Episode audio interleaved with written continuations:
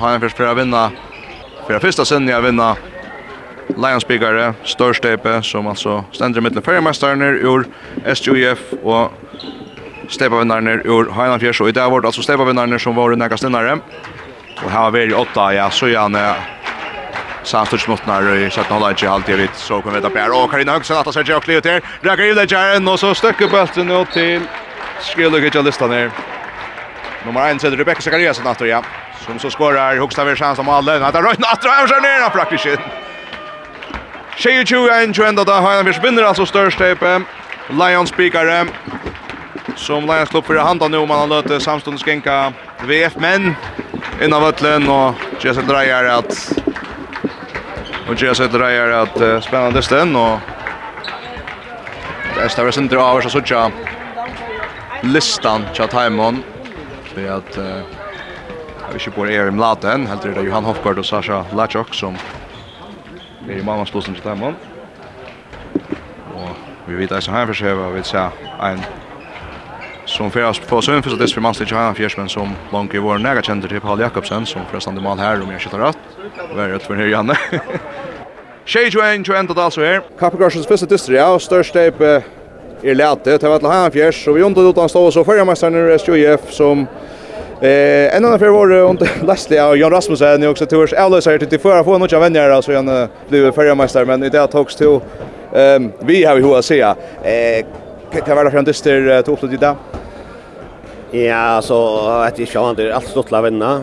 Men det är vi måste bara ta som vänningar det så att vi kommer kaka sen sånt igång och det bara finns ju vänningar det i år, Så alla spelare slapp prova lös en tur och och så ser man kan man är man ser att formen är snart går än och vet du kolla ja så sagt kom sånt igång så Och det så och det lägger listan hade börjat. Ja, inte så det viskar som att näkra profilen är klar att dra lugga väl och näck nudge nu. Vad ska vi vänta till en ordan värd att det hästfär så ja. Det är vant i håll säkert därför att blanda sig på toppen att det är det är ju Det var en bra ja, ikke, kanskje ikke alle brøyen håp, men her er det nekker gode spillere, og så kommer vi til Kristian og unge spillere, tror jeg. Så um, nu til vennjeren som, uh, så kommer uh, nå, ta Kappgar, Birger, uh, hon kan steppa det samstå runt i att lyfta, lyfta ett steg, ta Kappgar livet.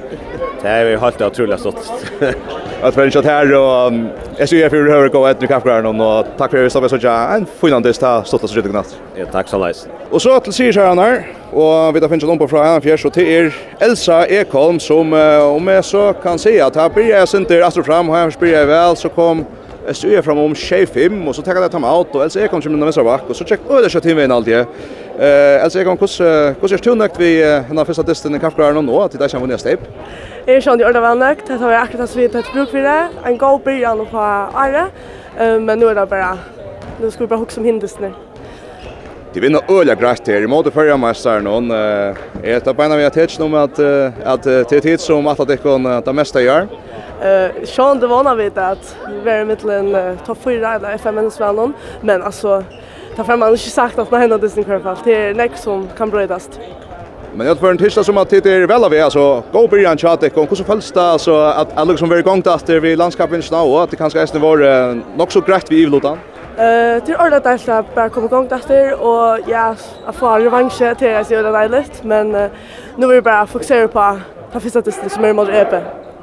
Två personer, ja, tog mina vänstra back. Här är den som är Morsensen Färren och ja, tror jag se att du tog väl chansen. Hur hur så såg du testen och hur så såg du tunn like då innan? Ehm till sån det är tar sån märta som kort av vänster bara skjutsar så till sån Rana kan ta efter henne men är det bara kvar mot spel och ta check väl där så ta Ja, Det är sen till lucka vi step någon och tack för det prata. Tusen tack för det. Så alltså Elsa Egalm som Jeg husker, for jeg sier, stå rettelig sterske myntene, særlig uh, Eisen vet her at hon kom inn av vinstra bakken, han lødde ta SUF her ved Åmanna i fyrre halva ikke, og så tjekk øde kjøtt hinveien, og SUF kom omgang i vel innan til dysten, altså Egon som er kanskje bare har skrevet fem mal, men øde vel alt trus da.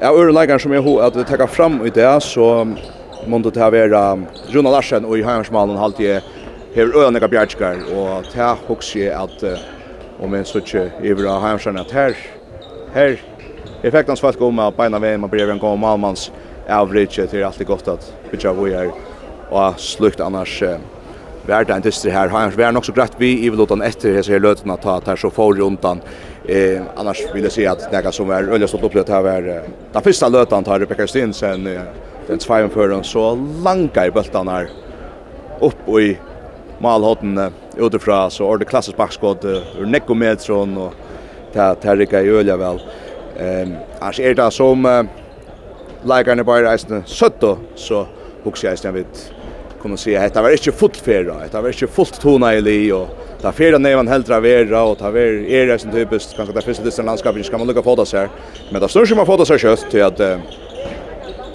ända spelar bojar inte og her er det best atjan distan spil om, så misser du og next tid, jeg vi, og så kan det kjøtt blå lengt opp til topp 4, og vi vet ikke orda kvart EPLE som nästan förstärker Västmanna kan så jag tycker att um, Lena hukte där också här kan bli helt spännande och här måste jag ta det vidare för mig så här kan bli helt helt spännande och jag är då det är bra otroligt stolt att vi är igång vi handbollskappingrare efter efter vi det är så vi där chakra vara svanket handboll ta vi utan landslagskapping någon så var ju sommar här hur vi har frakt.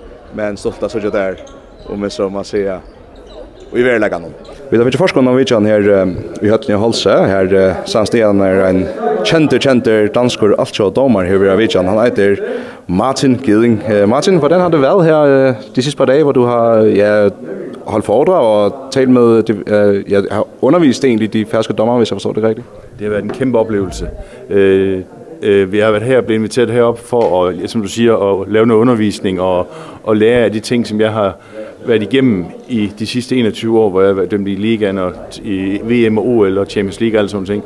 Og det har virkelig inspireret mig at være heroppe, og, og alle dommerne har virkelig øh, taget imod sig og taget imod de ting, jeg har sagt til dem, og at vi havde i år syv timers kursus, hvor vi bare kørte på, og jeg kunne bare se til sidst, de kunne ikke, de kunne ikke rumme mere, så jeg har, jeg har puttet meget ind i, i, i, i går. Det lyder rigtig godt. Har du noget, fået noget indtryk af, hvad, hvad, hvad der måske er særligt for en færdig dommer i forhold til måske en, der dømmer i Dansk Liga og så på det niveau, I har været på?